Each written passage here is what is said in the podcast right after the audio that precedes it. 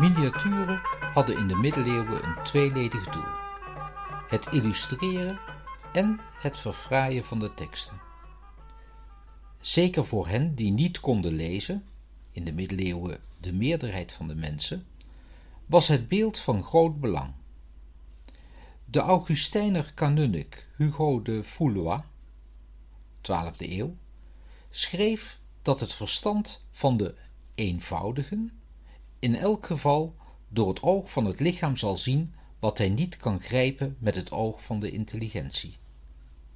Niet geschoold zijn en niet kunnen lezen werd dus gelijkgesteld met gebrek aan intelligentie.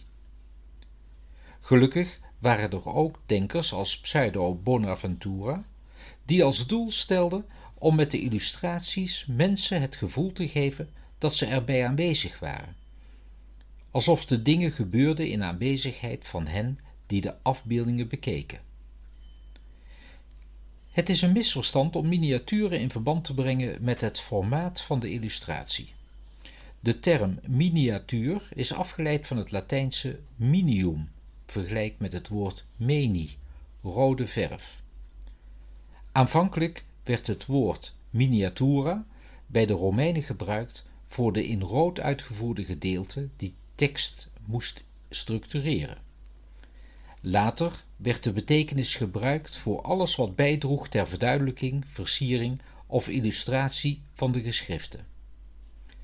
Het heeft dus niets te maken met het vermeende kleine formaat zoals dat vanaf de 16e eeuw steeds gebruikelijker werd toen men portretminiaturen ging maken.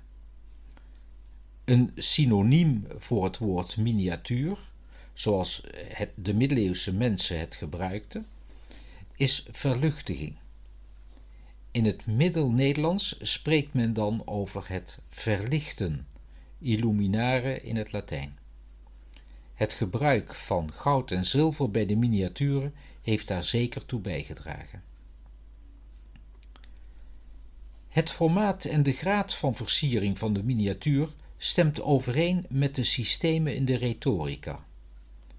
Door de wijze van schrijven en spreken werden verschillende stijlen ontwikkeld omwille van het belang van de inhoud en van de klemtonen die men wilde leggen.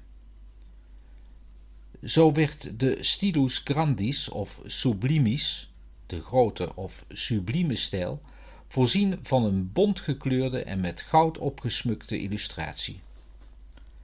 Als er minder kleur en waardevolle materialen werden gebruikt, verkeerde men in de stilus moderatus, gematigde stijl. Bij eenvoudige tekeningen is er sprake van een stilus humilis, nederige stijl. Men was zich bewust dat de impact van de afbeelding meer effect sorteerde dan het woord.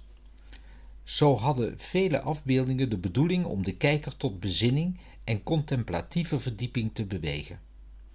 Maurits Smeyers stelt in zijn boek Vlaamse miniaturen dat illustraties mediteerbaar zijn. De afbeelding werd in verband gebracht met de heilsgeschiedenis, het morele leven en de eindbestemming van de toeschouwer. Het zijn dezelfde technieken als die men gebruikt heeft bij de prachtige glas in loodramen van de kathedraal van Chartres. Hierbij moet wel opgemerkt worden dat de ramen in de kathedraal gemakkelijker voor grote groepen mensen te zien waren dan de miniaturen in boeken. Slechts een kleine groep mensen kon zich in die tijd boeken veroorloven. Bovendien waren er niet veel boeken in omloop. Als we nu op een tentoonstelling in een museum al die verzamelde boeken zien, willen we dat aspect nog wel eens uit het oog verliezen. We realiseren ons niet vaak genoeg dat wij ons gelukkig mogen prijzen dat wij anno 2020 op deze plek van de aardbol leven